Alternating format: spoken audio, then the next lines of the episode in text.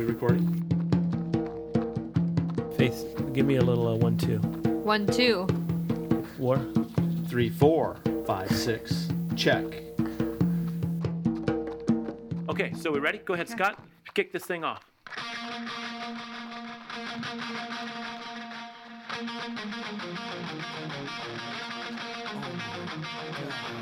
Welcome to another edition of Trail Runner Nation. I'm Don Freeman. I'm Scott Warr.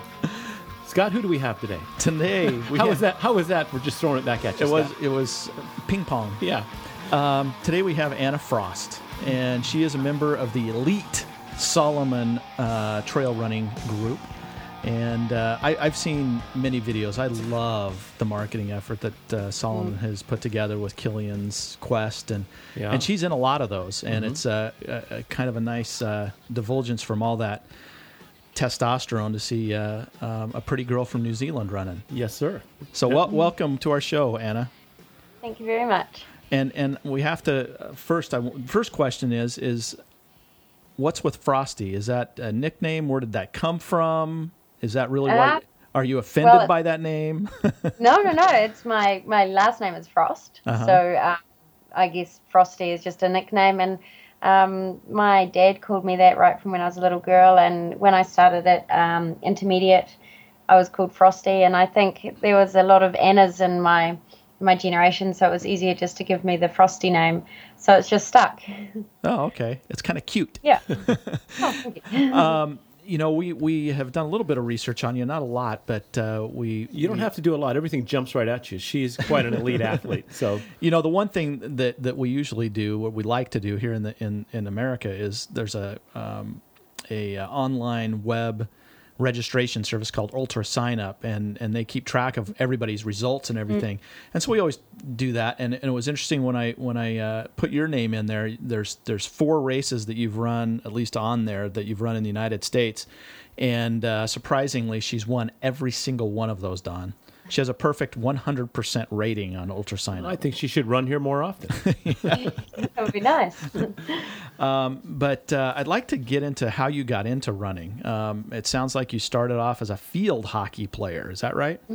Yep, yeah. For years I was playing hockey. So when I was right little little girl, and then um, I continued playing for uh, all different levels for all different clubs. I think I was playing hockey every day pretty much um, all the way till I was at university. So it was it was definitely my main sport. And how did you get into mountain running and longer distance running? Well, I think like all through school, I was doing every sport I could do really. One because I loved it and thought it was fun, but two because it would take me out of the classroom um, and I could go on lots of trips out of school. So I did everything from triathlon to cross country, a bit of track and um, rowing and touch rugby and everything at school. So I was always really active. And uh, and in New Zealand, we have a really active school as well, where we go around camps and on kayak trips and mountain biking events. So um, it was always in my blood from right, right when I was a little girl. And um, I guess the where I live, there's a lot of mountains, there's a lot of trails, and so it was just natural to for me to go running on the trails. I never felt like I was actually trail running or mountain running, and um, I was doing road and half marathons and and a little bit of trail races, but nothing much. And then I heard that there was the national mountain running champs coming up uh, nearby, and my club was helping organise it. So I set out all the the markers for the race, and a friend said to me, "Well, you've set out the course. You may as well just do the race because you know it." So I said, "Oh, okay, I'll do it." And um, I qualified for the um, world champs in Italy. And so I went. Let- let- wait, we, we need to stop there. You you on a Okay. whim decide to run this race and end up qualifying for, for the mountain world championships in Italy. yeah, yeah. And, Anna, who was more su- who was more surprised, you or the competitors when you when you came through that finish line in first place? I think we're all pretty surprised. Yeah. Um, I, I was certainly um, I enjoyed it. I thought it was a great a great event, and when I found out I could go to the Worlds, I thought this was an absolutely amazing opportunity, and I had no idea how I would go or what I would see, and um, I was totally freaked out. And I arrived there, and I my mind was blown away by the travel, and we are in the um, Italian Alps, and they were just absolutely beautiful. And um, we went over the course on the one of the first days that we got there, and I couldn't believe what I was seeing. I kept saying, "Are you sure we're going the right way? This is like straight up. this is really steep." So, um, but I was assured, and fair, sure enough, it was um, it was the race course, and um, I think I was about 40th, maybe out of 80.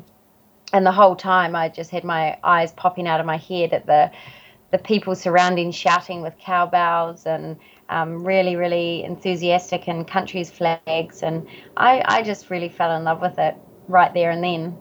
What, so I decided that that's what I was going to do. What was the distance of that of that uh, race, the world's? Uh, the women do about eight kilometers uphill. Wow. So yeah. there's such a learning curve in, in just about any sport. I don't care what it is. If you're bowling, if you're you know pitching pennies against the wall, yeah. there's a learning curve.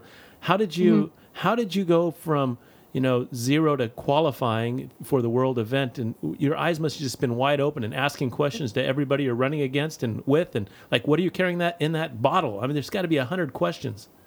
Yeah, I think I just let it happen that first time. I just went and I just experienced it, and um, I saw a lot, and I saw that you could actually be a mountain runner. I never knew that you could be a mountain runner. I didn't realize that there was a world circuit. I didn't know that there were people traveling from race to race to race. So all of these things just appeared in front of me. I I wasn't particularly asking anything.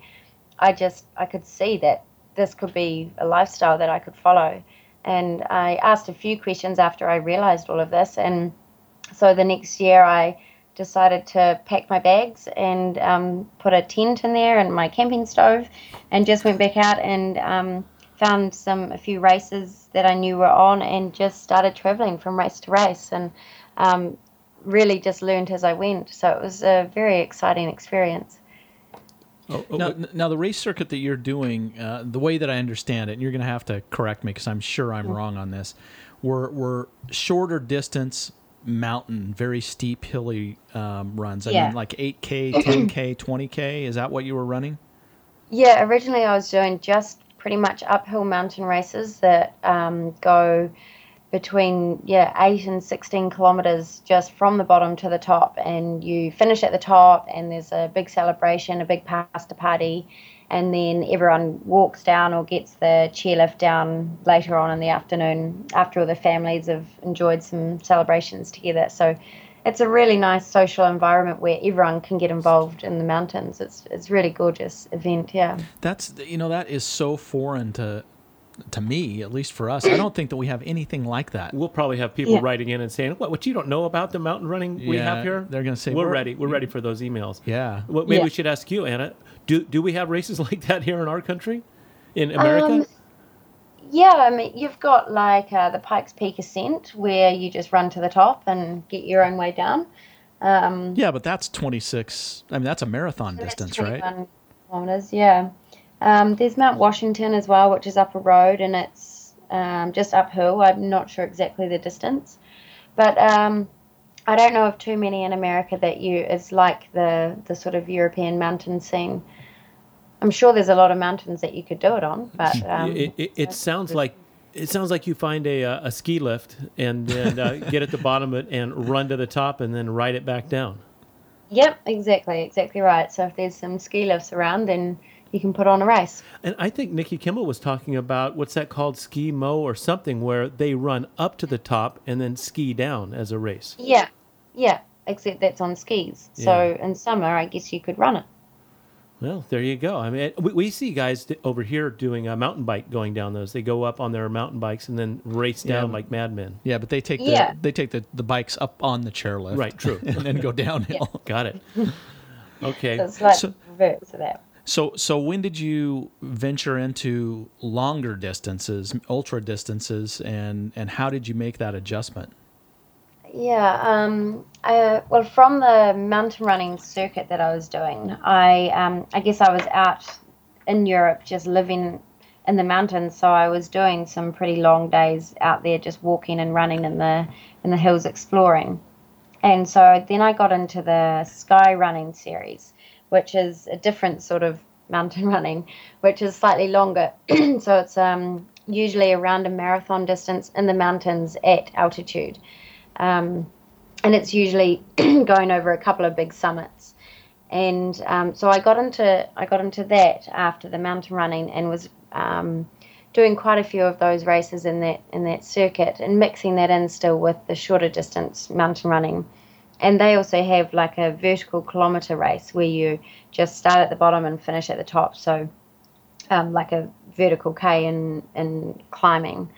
Um, and then and then when I got involved more with the Salomon team, we were doing a lot more travels and um, going to these events, and then we were becoming aware that there was a um, big push and a, quite a cool scene in the ultra running. And I guess ultra running for for me has always been a very American thing um, because I didn't really see it as much in Europe.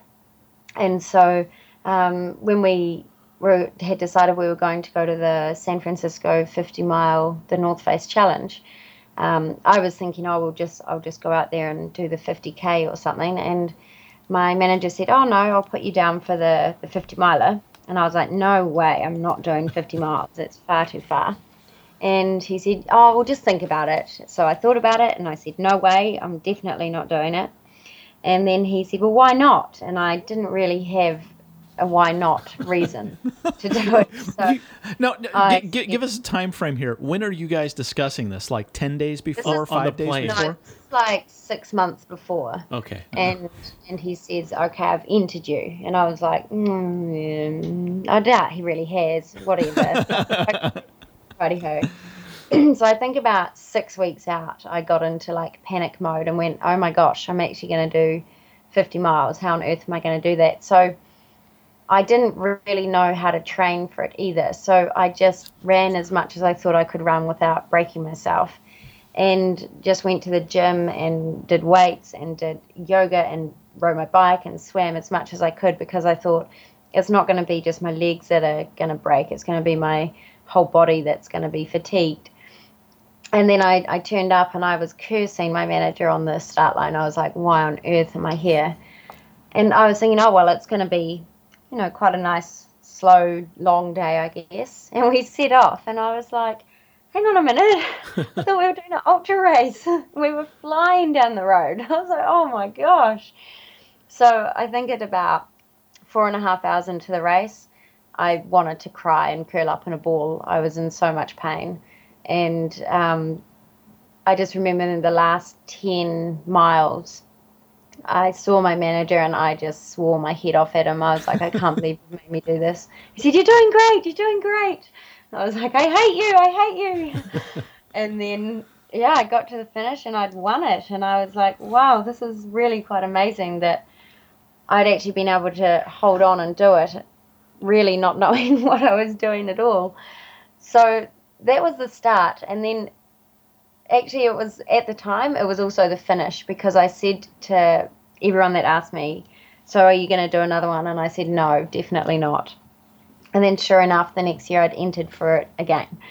so I think I just become intrigued about the distance and about pushing myself to different limits and I, I have a, a, small piece of advice for you, and that is come up with an excuse in your hip pocket, ready to go.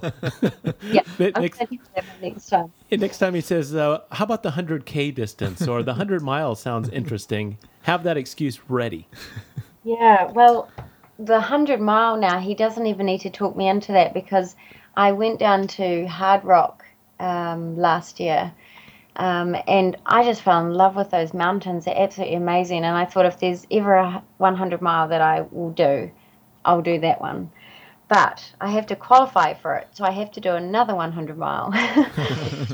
so now I'm trying to trying to find one that that I can do. It, it's so, only it's only two 50 mile runs put back to back.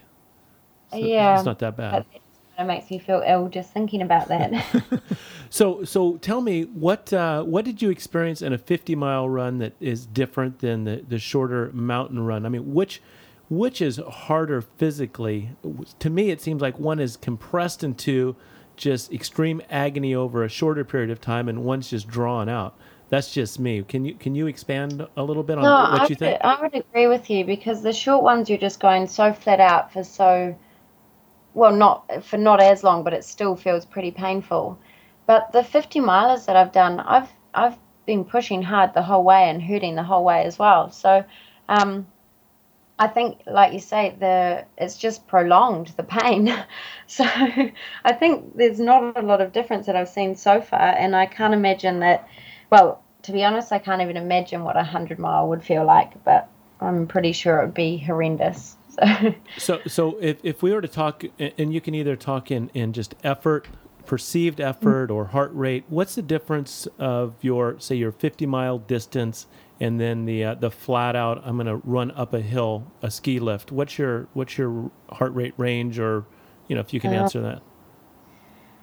yeah, I, I mean, it's. I think you're still pushing hard. You're just pushing hard. Um, I guess in a different way because you know that mentally you have to be really tough for those long races because if that goes, then everything's going to go. So I think it's a little bit more exhausting the longer ones, and I also find that I put a lot more effort into the longer ones before the race. So I'm pretty much consumed by that race for the six weeks before it. Um, like I'm training it, I'm breathing it, I'm eating it, I'm totally living that that race. And so it's it's quite emotionally consuming as well. So I think when you actually get there, you're already a little bit tired because you've you've pushed everything so hard to get there. So during the race, it really, for me anyway, it means a lot when I'm in that race.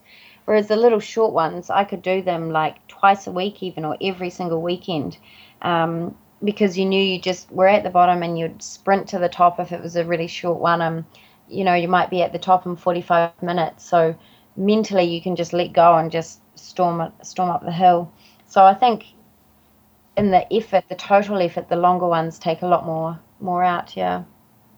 I, I, you know, I have a couple questions. I have actually many questions that are floating through my head now, right now. But the one about the back to the the the mountain uphill mountain races, are you actually running for that 10k Yeah. straight up a hill, or, or are you slowing down and doing some power hikes, or is it a, it a flat out run? Yeah, I mean, you really want to walk, but um, if you want to, if you want to stay up there with those leading girls, you you really do have to run, and it's quite incredible the the speed that some of these people got. The hills are they're light and and they just fly. I don't know how they really do it actually, but um, yeah, you you usually have to run. Sometimes if there's a really slippery, steep bit, then you might have to just power hike it. But if you want to be up there, then you've got to you've got to run it. So in in these longer races, like the uh, North Face Endurance Challenge, the 50 mile, do you Yeah. feel that your experience um, as a as a mountain climber, mountain runner, has hel- has helped you become a better 50 mile racer? In that, you know, we, yeah. on on those hills where everybody else is like power hiking, are you able to go a little bit faster? Yeah, I think I think so. I um I'm I'm strong on the uphills. It's my strength. I can push hard through those and and I love running uphill and I can often give myself really good challenges and mentally I can just say I'm just not going to walk here because if I walk it's going to take me longer to get to the top, which means more pain. So I'm just going to run as hard as I can and get it over and done with and I enjoy doing that. So I think that has benefited me in those longer races. Um, but I, I have also found that often in those longer races, the well, the ones that I've done are not so steep. So you literally have to run. You, I mean, if you walk, you just feel like you're going too slow. So, um, and at times when I've thought, oh well, it's an ultra, maybe I can walk a little bit. I just there's been no chance. I, I would guess that racing mountains like that would give you a different perspective because I assure you that is not my perspective. you know, I mean, we, we, we see we see hills and and you know that's our opportunity to reach back and you know get some food or you know just uh, change it up a little bit and and so uh, I think coming from the the community of we run hills, uh, it would be hard to to ch- reprogram yourself. Yeah. Yeah, yeah, and I think I just love the feeling of getting to the top. It's a real sense of achievement for me, and um, it's a really nice place on the top of a mountain or a range or wherever you are. And I I feel it's really free being up there, and I love having all those views and that fresh air at the top of the hill. So I think it's a place that I really love getting to. So that helps me actually getting there. Um, and I, yeah, I'm, I'm always going to be passionate towards those short mountain races where you just get to the top and you're there because the sense of achievement is so huge. Okay, Anna, what's the secret to running a hill? I mean, is it short steps? Is it powerful? Do you do cross training to lunges to make strong thighs, glutes? What is the recipe? Because we all want to run like you. I guess I guess everyone's different on the on the hills what they do, but I mean for me I've got short legs anyway, so it's going to be short steps.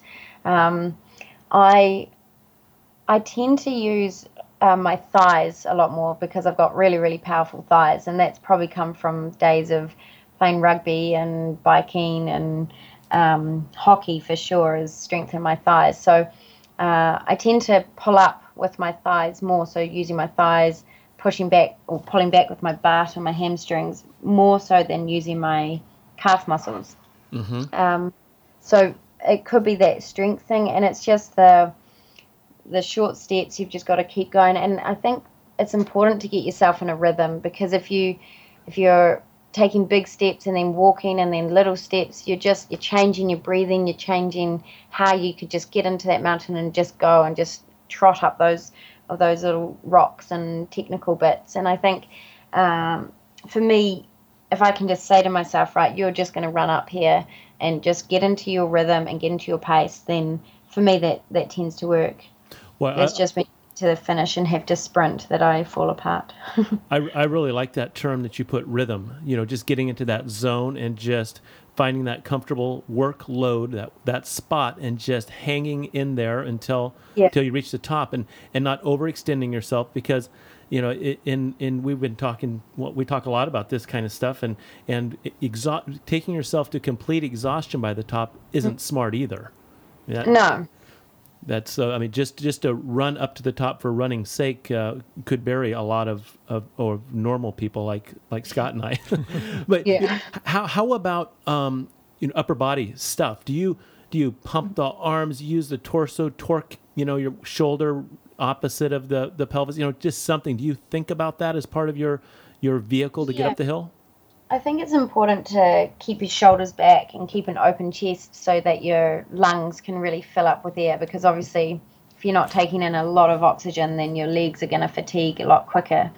Um, so even if I am leaning right over and running because you, you do when you're going uphill or even power hiking, I just always concentrate on keeping my shoulders back um, and keeping my chest open, taking big breaths. Um, and so I do. Um, I swim quite a lot, and I do a lot of core strength, just because I think it. You know, like I was saying before, your legs get tired, sure, but if you can't hold your body upright, if you can't drive through with your arms a little bit, you know, not not hugely to waste energy, but just to power you up those little steps, um, then then your leg, then you're just going to waste a whole lot of that energy that you could have had holding your technique right so yeah, I think it's important to do upper body and a lot of core work. So, go go ahead, Scott. I was going to say we we have uh, one of our nation members, um, Fred Doss. Um, uh, we put it out there to our, our nation. You know, we were talking to you and what questions they would like to ask, and and he yeah. asked a question about your your training. He said he was asking if you train. Uh, with a heart rate monitor, do you train uh, distance or time on your feet? And how many mm-hmm. intense, high intensity workouts do you do per week? So kind of go kind of go through what how how do you train? What's your philosophy? And you talk about core workout. What do you do to to build your core? Um, my philosophy is um, kind of just train as I can and where I can because I spend a lot of my times traveling, and so if I'm trying to structure myself to a program, I find that I'm more often than not disappointed because I haven't got a mountain to run up or I haven't got a track to run around or so I find it's just better to get to the place where I'm going and see what it has to offer if it's got some beautiful long beaches, well, then I'm going to go on the beach. And if it's got some big, big mountains to climb up, then I'm going to climb up the mountains. So my training is generally um, made up around where I am and what I've got. But if I'm training specifically for, let's say, a 50 miler, um, I try to have really good six weeks before it. I give myself a focus six weeks. And um, in those six weeks, I try to do about 30 hours of running, 25 to 30 hours of running. And then I try and do another five to 10 of cross training. So swimming or aqua jogging or mountain biking or core strength. And even if that core strength is just like five minutes a day, um, I think it's it's really helpful. Balance and yoga as well for the stretching and for when you're on, you know, just one foot when you're running to hold yourself up instead of going over on your ankles. Um, and my running, I I've been building up and up and up, I guess. Um, I try and do two longer runs a week, so between four and six hours.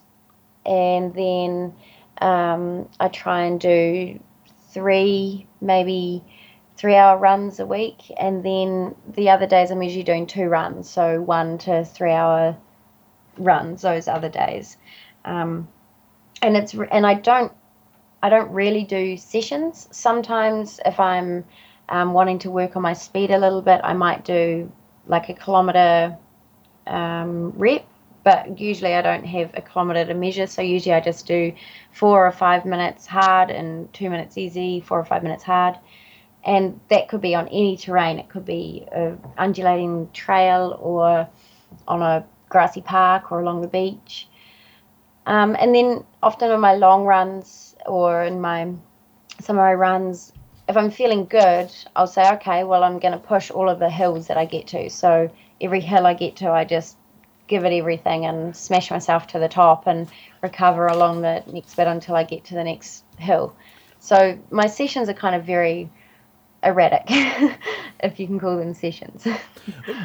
Anna, do you ever take any any breaks? You know, scheduled breaks where you say, "Okay, I'm going to back off." Do you just you know, throw the shoes in the closet and say for the next week or two weeks? Do you ever have anything planned and scheduled like that? I'm really hopeless at that. I um, I love being in the mountains, and I've been plagued with injury in the last year, and so. Um, and even then, when I was plagued with injury, I would go out and just run for a couple of hours every now and then because I, I was getting so stroppy at not being out running.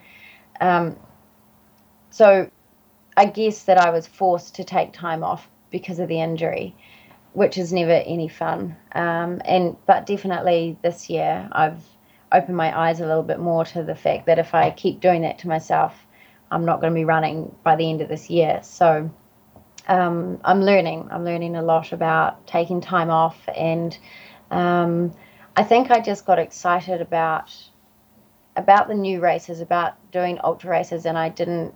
Um, really respect how much it took out of my body each race. So um, this year I'm really going to focus at not doing so many of the longer races so close together.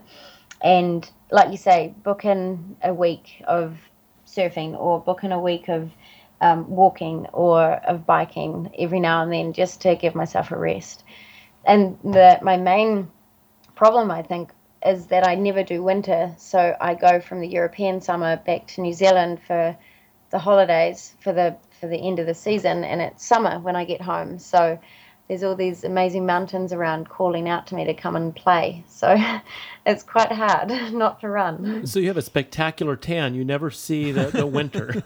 yeah, exactly. And when I do see winter, I'm I'm a whinging little animal hidden away in the covers. T- tell me, you have run all over the world, literally, and and I'd be interesting interested to know about the running people. You know, the the culture that you find in New Zealand versus Europe versus you know um, the United mm. States. You know, what what what similarities or what differences? You know, um, can you address that?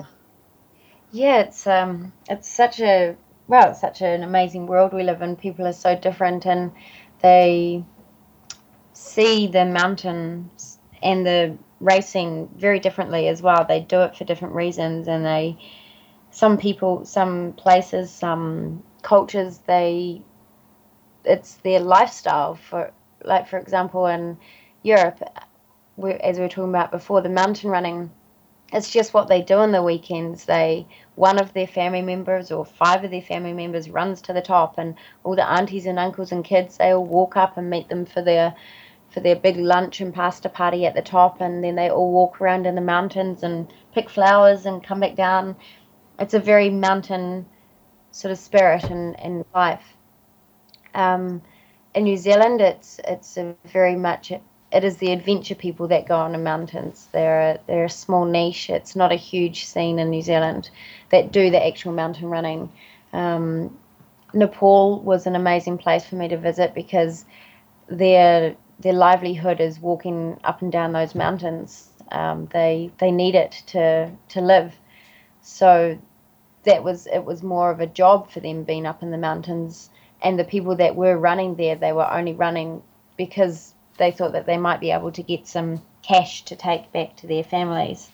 Um, and in America, it's a it's again very different from what I've seen there. It's a it's a personal challenge. Um, obviously, the families are there. The runners couldn't be there without their family support, but it seems that it's uh, something that those runners are going to go and do and push themselves to absolute limits with the ultra running, which I tend to see more as a, an American culture.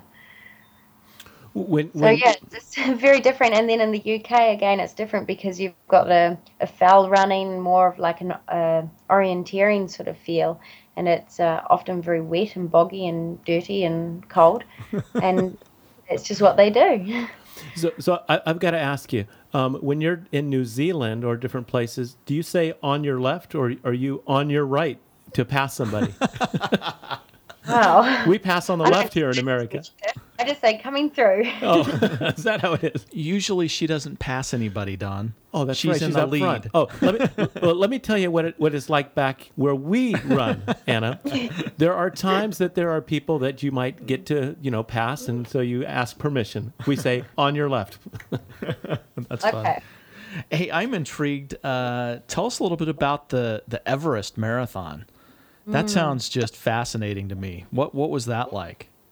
Yeah, it was incredible. I was lucky that I was able to go out with my boyfriend at the time to Nepal for six weeks before the race, and uh, we walked in all the way from the from the way down. So it took us six days just to walk to the first hut in the Everest region.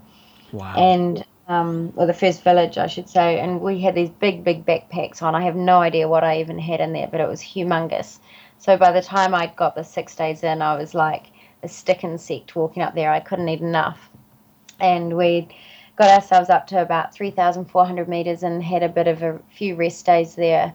And then we just hired a porter to take um, just, he had like a 10 kg bag of ours, and we just took little backpacks for the day. And we would do these big, big um, loops around these huge, big mountain passes, and he would just take the shortcut to the next village.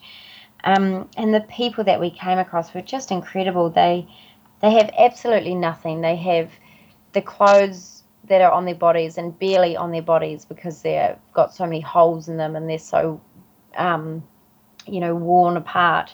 Their shoes are, are I don't know little plastic sandals that are tied on with rope and they're just they're the most loving and caring and sharing people you've ever met and it really brings you back to earth it teaches you and reminds you that you know life is so precious and you can't take anything for granted because you know there, here's these people with nothing and they've got the most love in the world um, so when when we finally did actually get up to the the start um, there was a few people that dropped out along the way because either they couldn't acclimatize or it was just getting too cold at night times for them. Um, we started up at base camp or just near base camp, which was 5,100 meters. And it was actually really pleasant the morning that we started. There was sort of fresh snow down and it was maybe 10 degrees, so it wasn't that cold.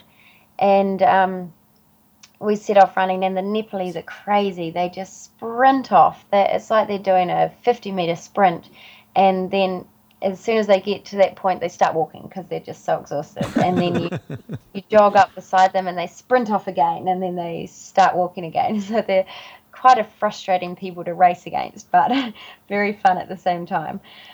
And then it was just, um, you basically go all the way down the the Khumbu Valley from there, and so it's an overall downhill gradient. But my gosh, it never feels like you're going downhill because one, you're you're facing the altitude the whole way, and it's just um, you're up and down and up and down on these rocky um, terrain the whole way. Um, at at 8k into the race, I went over my ankle really really bad, and I screamed and shouted and I had about 4k to get to the next aid station to make up my mind whether I was going to pull out or keep going. And I got to the next aid station, and fortunately, I had some ibuprofen in my bag, so I took that. And um, they said to me, Well, the only way out from here is on a donkey. And I was like, Get real. So I said, Forget that, I'm running. So I just sucked it up, and from there on, it was a real mental um, battle for me more than physical really because I was in a lot of pain but I knew I was not going to sit on a donkey so um, and and the, the great thing about the race was that you felt like a little pea in this massive big big environment you know we're we're at 5000 meters and there's still huge mountains surrounding you. So you feel really special to be there in the first place.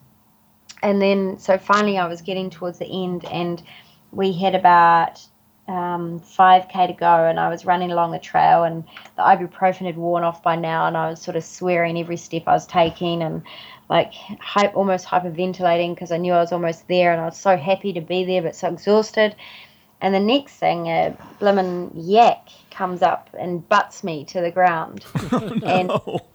and fortunately it got my hand and it cracked open all my knuckles, so they were all bleeding. But my hand was just in front of my ribs, so it had stopped the um, yak from butting into my ribs. I still landed on my butt on the ground, and the little yak shepherd yanked me up and pushed me along and said, "Carry on going." And by now, I'm hysterically screaming and crying, shouting at the yaks that I hated them, had dud, um, dust and blood and everything all over me, and tears streaming down my face and snot. And I was like, oh my gosh. And then I, I ran past a, a women's refuge, and they all had these beautiful white prayer scarves that they were throwing over me and putting around my neck. So I managed to wipe my face off with one of those, and was was again pretty amazed to be in this place where these people are so giving and when I got to the finish, I just burst into tears.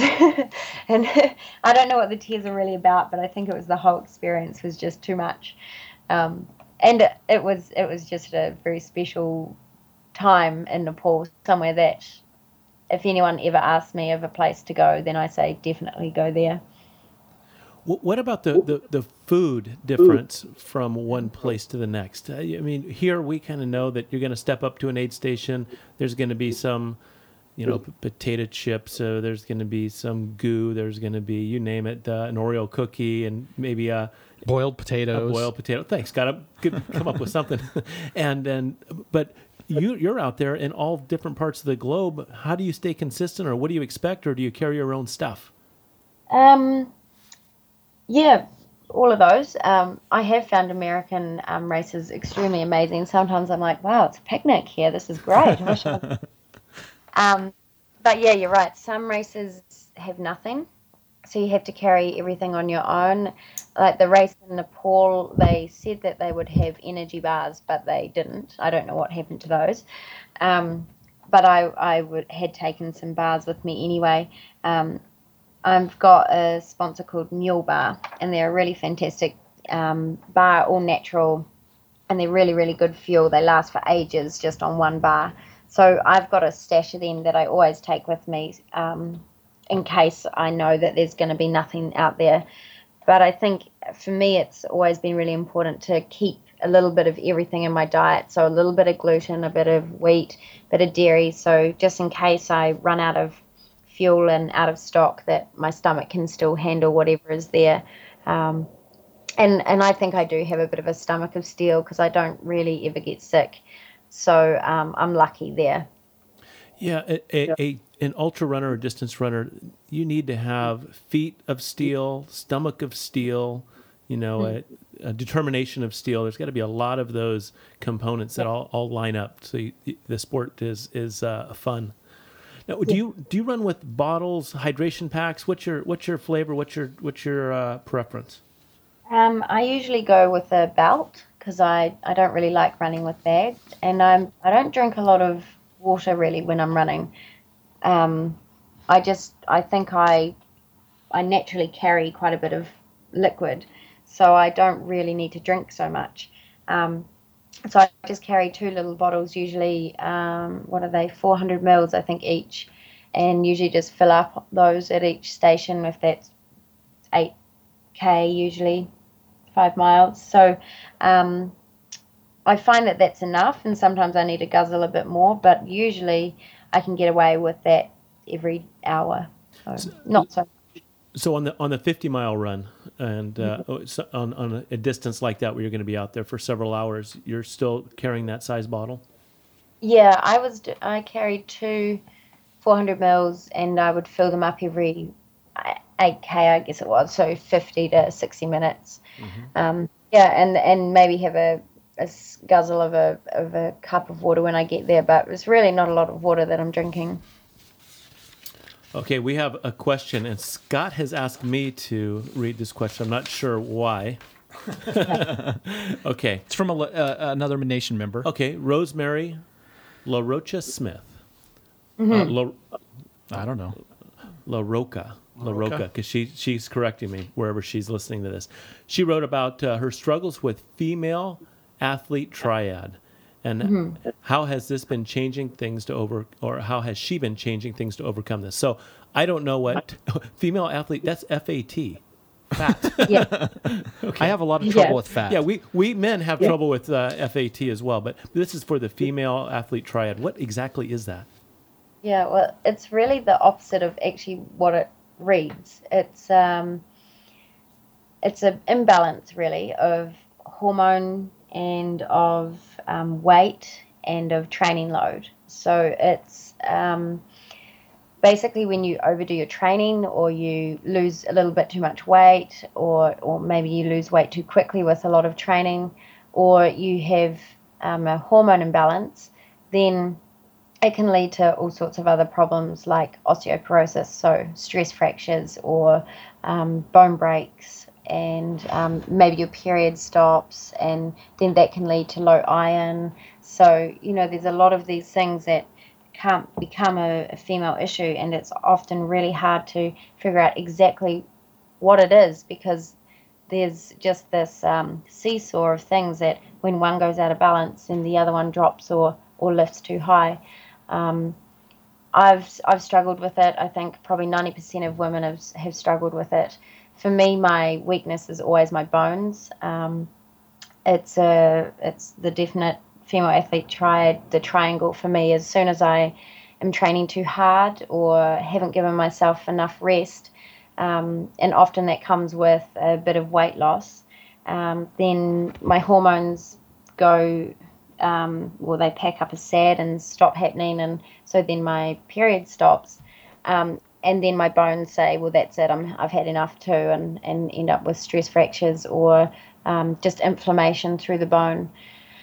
So, what have I done to try and overcome that? I guess is um, be more aware of um, my training around my period cycles, and this is something that I'm I'm just learning that, um, and it's something that most women should, I think, do or learn or figure out is um, training with your cycle. And it's as simple as having an easier day on the first day of menstruation.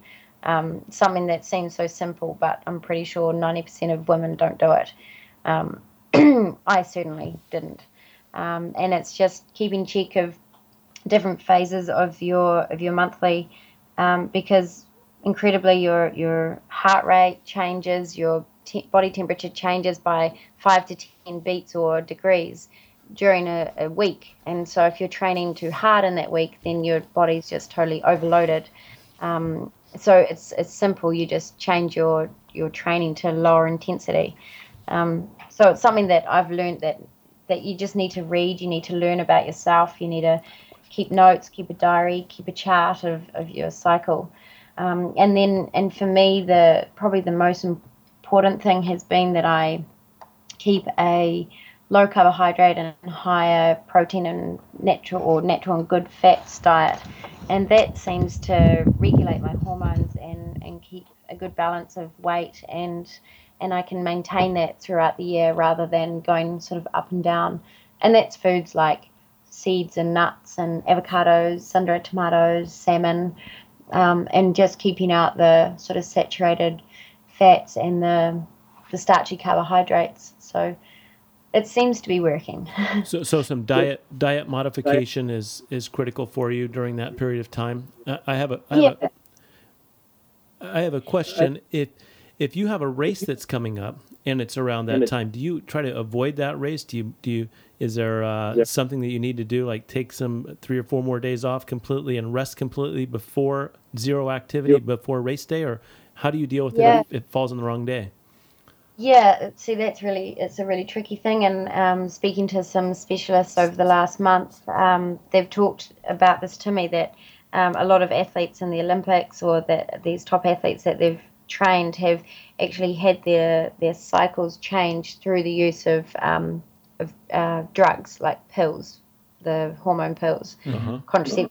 So they've been able to change their cycle so it's a few days later or earlier if they know the exact race that they that they want. Um, yeah, if it does fall on a day and, and you're not prepared to take the, the chemical change, then maybe it's a good idea to take a few easier days beforehand just to to be aware or to be aware that your temperature is going to be a little bit higher. So maybe drink more fluid and maybe take in more proteins during the race. Maybe it will just help with the, the muscle regeneration during the race uh, and I think it's something that each each woman is going to have to look into their own cycle because I think everyone's different, and and so for me, I've started keeping a diary of exactly how I'm feeling. If I'm feeling my temperature's high or my heart rate's high, and then just trying to see what the pattern is, and then yeah, maybe you decide well that race is going to fall at a really stink time. So maybe I'll do the race two weeks later instead. Hmm. Do, do you have um, a, a place to direct ladies to that are hearing this that, that you say, hey, this is a great source, this website or this book? And if, and if you. Yeah. yeah, I mean, I came across a book. Um, it's called The Rushing Woman Syndrome um, by uh, Libby Weaver, I think her name is. Okay. And I, you know, sometimes you you read a book or you read something and you've got like a, an injury and you're reading the symptoms and you go, oh, that's not really me. Oh, yeah, that's me. Oh no, that's not me. Well, this book I read it and I was like, oh my gosh, that's me. That's me. That's me. That's me. That's me. That's me. So. Um, it was something that was uh, very eye opening for me, and I've I've really I feel like I've opened my eyes up, not just physically but um, emotionally as well, um, to see that a lot of these injuries that we have are just our bodies crying out for help and, and it might not necessarily be a physical thing. It could be coming from our from our own minds and we have to get to the the bottoms of why we are doing what we're doing. So that's been a really interesting journey for me to go on. Um, i've got a, a tab on my blog spot which is frosty's footsteps and i've called it shout shout it out girls um, and it's just somewhere where I feel that if women have questions or um, they feel like they can answer some questions, then they can go there and it can be a safe place for them to put out those questions. Um, something that I haven't really been able to find when, when I've been searching and feel that I can write a question up without sort of being looked at or judged. So um, it's there on my on my blog spot, and all they need to do is email the or or the email on there and um, and I mean, I can't answer all the questions for sure, but there's a lot of incredible women out there that are that are helping answer those questions. So if you do have anything, the women out there, then put it put the questions up there. Yeah, this is that that's actually a very interesting topic that, that we've never even mm. approached, and so we're gonna we're gonna link that the the rushing wind rushing women's Women. syndrome uh, title book by by Libby Weaver, and we'll also uh, link your blog spot uh, yeah. to our podcast so that people can find out some more information about it. Yeah, I think it's really important because I think it's too easy for women to feel like they're on their own and that they're not understood or even you know men have questions about it sometimes their training partners or their their girlfriend they can see that they have these problems but it's hard to talk to them about it sometimes so maybe for the guys it's just a nice place to go as well to ask you know my friends looking a little bit thin how can i approach that or you know stuff like that that might help guys as well so it's not just for women I, I liked your comment about when you're injured, it's really your body just crying out to you that something's wrong. And I think that mm-hmm. goes with anything. It goes with some shin splints or some some uh, you name it, you know, pain in the back or, or the hip or hamstring or whatever it, nagging mm-hmm. injury is plaguing you. What what is it? Too much uh, too much speed work? Is it too uh, not enough rest in between? You know, what is it? Your improper gait? What's going on? Hmm. And I think it's I think it's important that we then say, okay, I've got a, a sore knee, but what else is going on? Because I remember years ago when I used to have a relationship problem.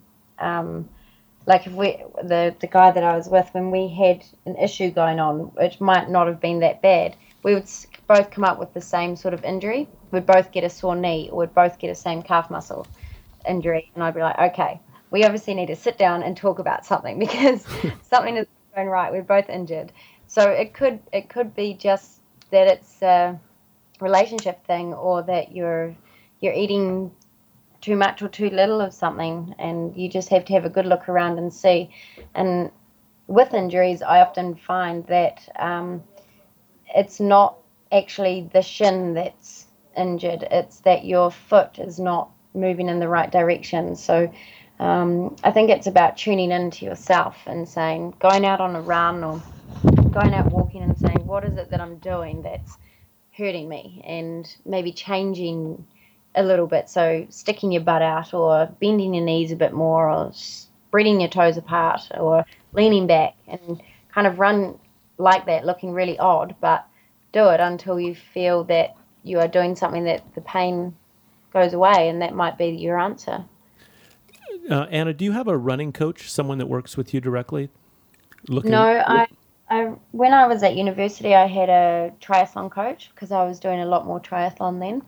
Um, and then when I went to the World Mountain Running Champs, he said, "Okay, so I think you're going to be a mountain runner, not a triathlete."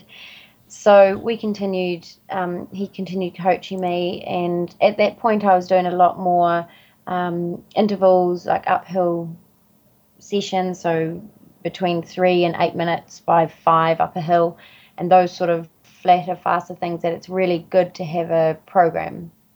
Um, but then as the travels became more and I was away all the time, it was hard for him to give me a specific program, obviously, because sometimes I wasn't on the flat or sometimes I wasn't on a hill.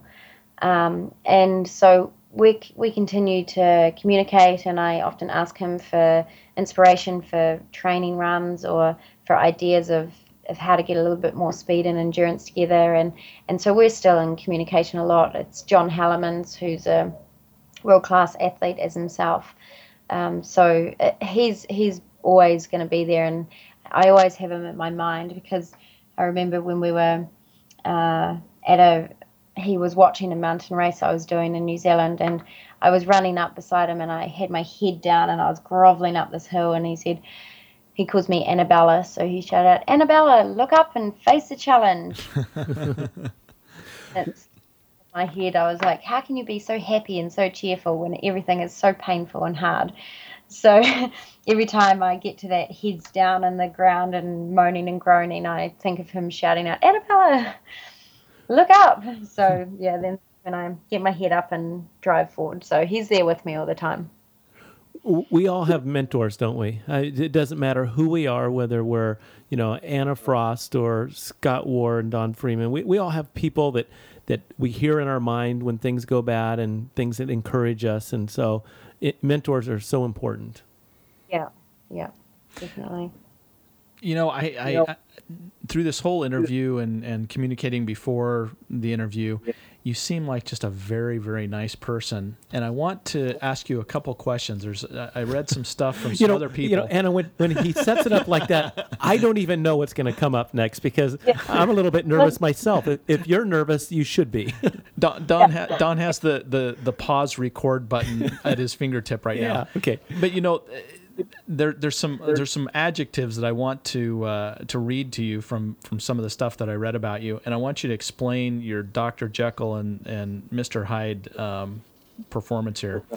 Uh, fierceness, powerful and destructive in extent or intensity, a raging bull. Uh, I, I, I also read somewhere that uh, you uh, have very colorful language when things are going wrong. Is all that true? No, you must have got that wrong. I, I'm sure I did because you seem so nice. yeah, I have. Um, I have occasionally got mouthy. Um, I think I, I just put up a, a video that we did in Taranaki um, this time last year. Um, Taranaki is a mountain up in the North Island of New Zealand, and it was a it was around the mountain mission and it was just horrible. I didn't know the way and I was out on my own and it was cold and miserable and I'd got to halfway and it had taken me like two times as long to get there and uh, there was like these big drop offs and cliffs and it was just so scary. I felt so vulnerable.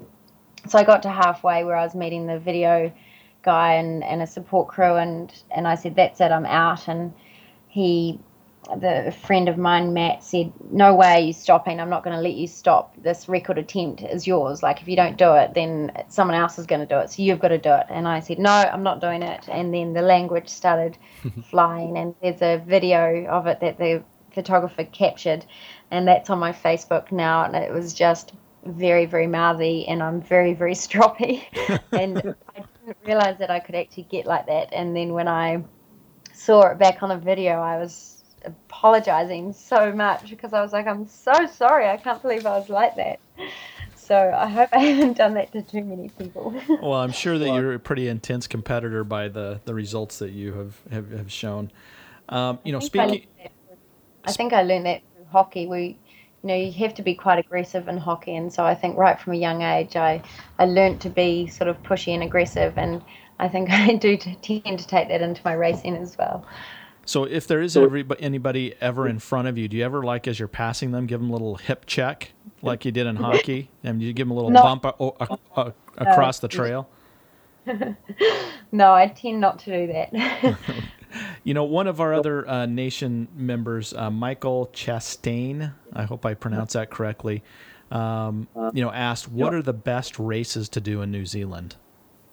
In New Zealand, um, do you know, actually, and I'm really sad to say this, I have not done hardly any racing in New Zealand, and um, I feel terrible about that because I, I want to. So it's going to be my aim in the next couple of years is to stay behind and do a few more races here before I come out to Europe or America. Um, but the, the classic one is probably the Kepler Challenge. It's at the start of December, and it uh, goes through a big native bush and then up and over a beautiful range um, and then comes back down to the native bush. So that's probably the most popular. Uh, there's the Routeburn track, which is on another one of the great walks of New Zealand. Um, there's a few more ultra races popping up. So there's the Northburn 100 miler, which is in a very barren country. It's beautiful but extremely hard. Um, and then the Tarawera 100, which this year there's um, a really incredible field. There's a few Americans coming out with um, Timmy Olson and Tony Krupicka.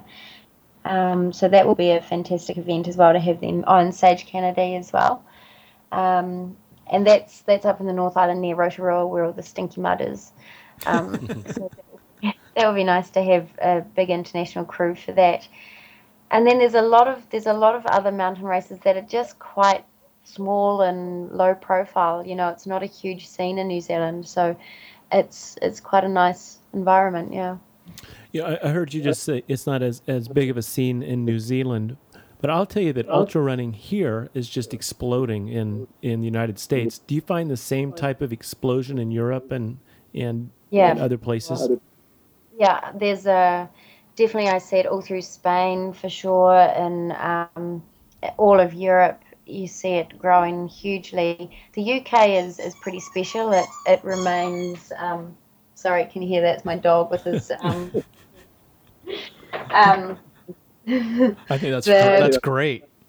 yeah, it's, I think that's his call saying, "Come on, let's go running." That's right. Uh, but um, the UK remains, you know, it's it's sort of uh, niche fell running, and and America just seems to be booming with more and more ultra running, and and even um, South America has got an absolutely incredible following. I was in um, Argentina earlier um, in November last year, and um, I was blown away by the the amount of people that were just out trail running because they could.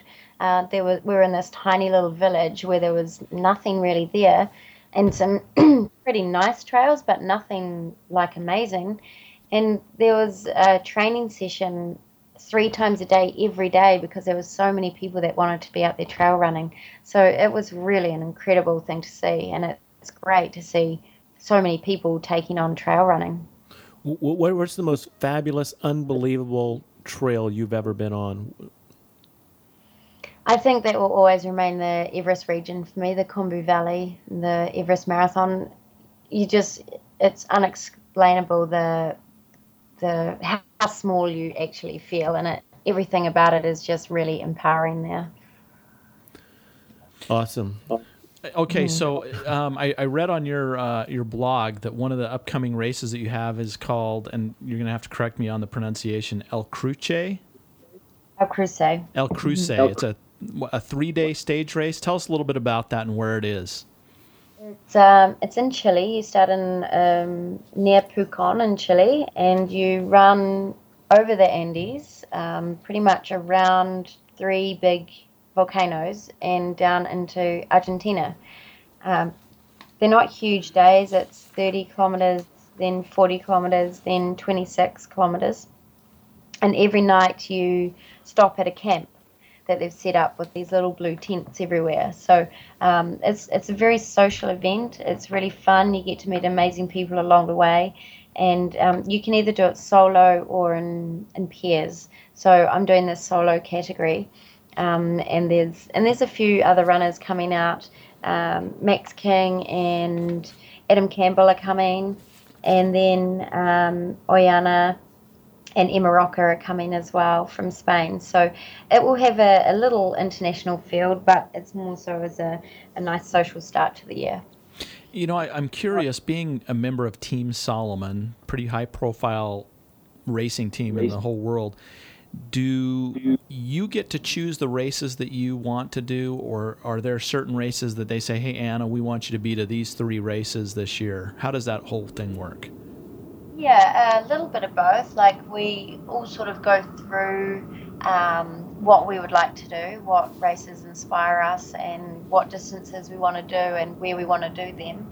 Um, and generally, our, our race programs are the race calendar is around the Sky Running series, and um, now that they have the new Ultra Running series as well, that brings us out to America a little bit more. Um, and then also um, in the higher profile races, like in the Leadville or the, the Hard Rocks um, or the UTMB, uh, a group of people are usually sent, so the support crew or the pacers and the um, the managers to help with the logistics, and we, we get to choose. You know, we we are generally going where our friends are going, which is the people in the team, and we want to be there for them, not just because they're Salomon or the team, but because they're our friends and we want to be there supporting them. And so, yeah, there's a few races that um, will be, you know, if you're going to be there, do you want to do this race? And we'll say either yes or no. So there's never any pressure to do anything. We just, um, and I think most of us are pretty keen to race no matter what anyway. So, um, and there's, it's hard to find a bad trail race out there these days. So, um, yeah, it's, it's a, I think the hardest thing is actually saying no to races and that's what I think my problem has been a lot in the last couple of years is that I just say yes to everything so I end up doing all sorts of ultra races back to back. it's not the best idea. You know, Scott's been running in a pair of Salomon shoes here lately, and I've got to say he's a bit faster and a bit more nimble on the trail. I, Right. I, I look I look handsomer too. I think. From the ankles down, anyway. Absolutely.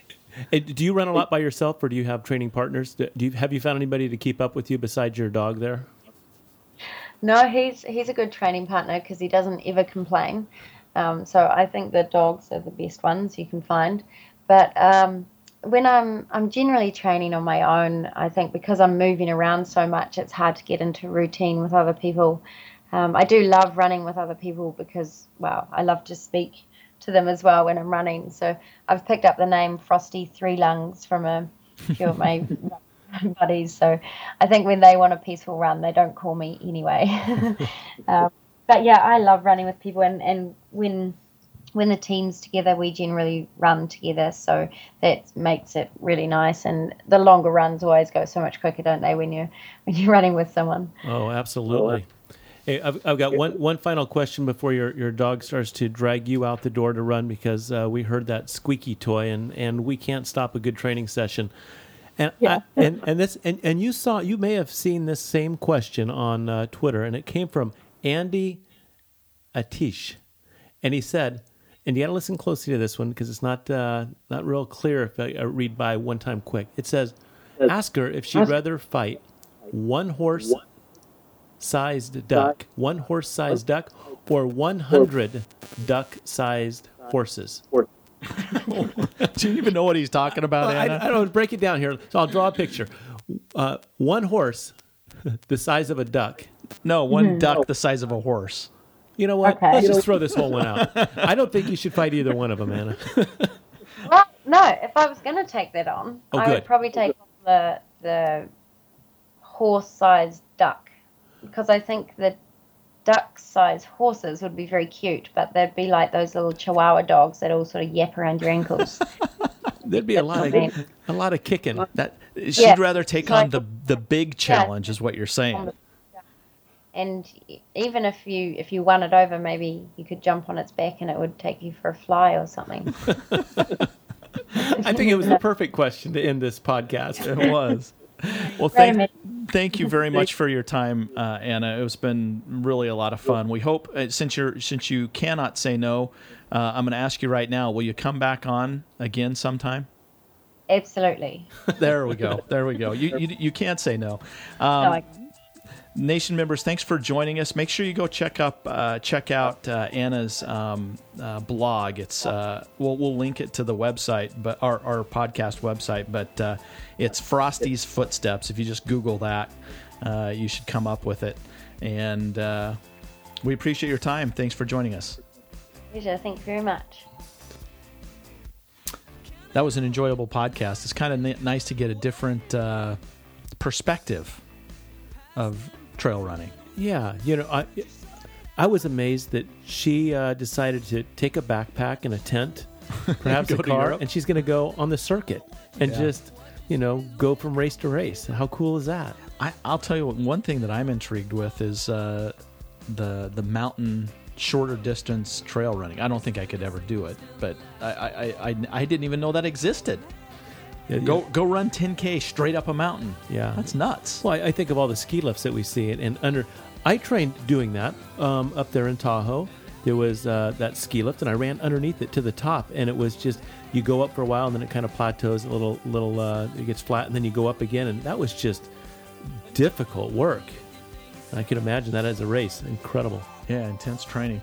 Hey, we want to make sure all of you are aware of the new website that uh, the, the Ninja, our web Ninja, has uh, Tim spent, Smith? spent a lot of time and effort on. I it I think it's wonderful. It's he awesome. A, he did a really good job, and now it's a mobile version. You can pull it up on your. Uh, whatever mobile device, uh, and it looks really neat. I also want to uh, remind you it's the beginning of race season uh, here in the northern hemisphere, anyway. Uh, make sure that you're training smartly with uh, the power of the per- uh, performance enhancing Kokopelli. Make sure you pick one of those up at trailrunnernation.com. Absolutely. In fact, uh, I've I've noticed that when I'm wearing mine, there is a distinct difference in recovery and in performance. My heart rate is just in, in a better spot. I can't see. I, I haven't found a negative aspect of the Kokopelli. That's true. Uh, I just got an email from uh, Skip who said that a recent race that once the performance enhancing Kokopelli was open to the atmosphere, women seemed to gather around him. And I have some pictures of that that I'll be posting on the website. You, you mean it's uh, it's like an aphrodisiac? It is. it is. You know, I I hadn't I hadn't considered that, but why wouldn't it be, Scott? I don't know.